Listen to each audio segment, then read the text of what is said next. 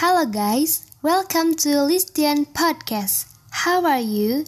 I hope you're okay. This podcast contains English learning materials. Now we will discuss about analytical text.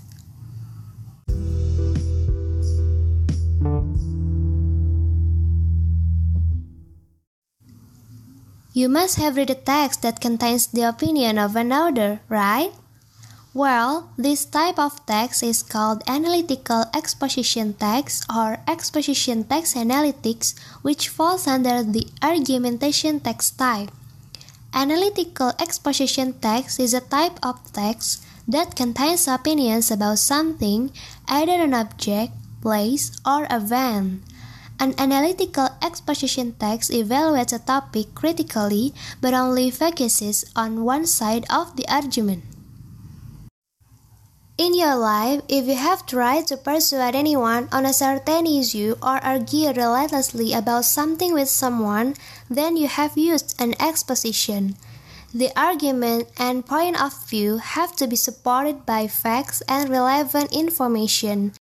The thesis statement has to be reiterated in the conclusion, so the purpose of an analytical exposition text is to persuade your audience to look at an issue with your perspective.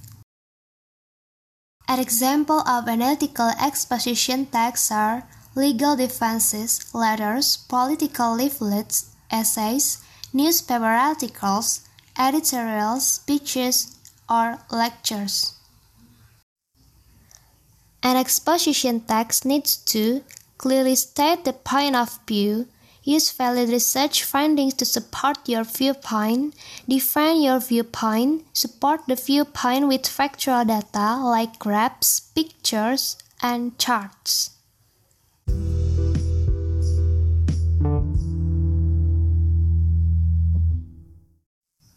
Okay, guys, thank you for listening to the first episode. Please continue to the next episode for the next material.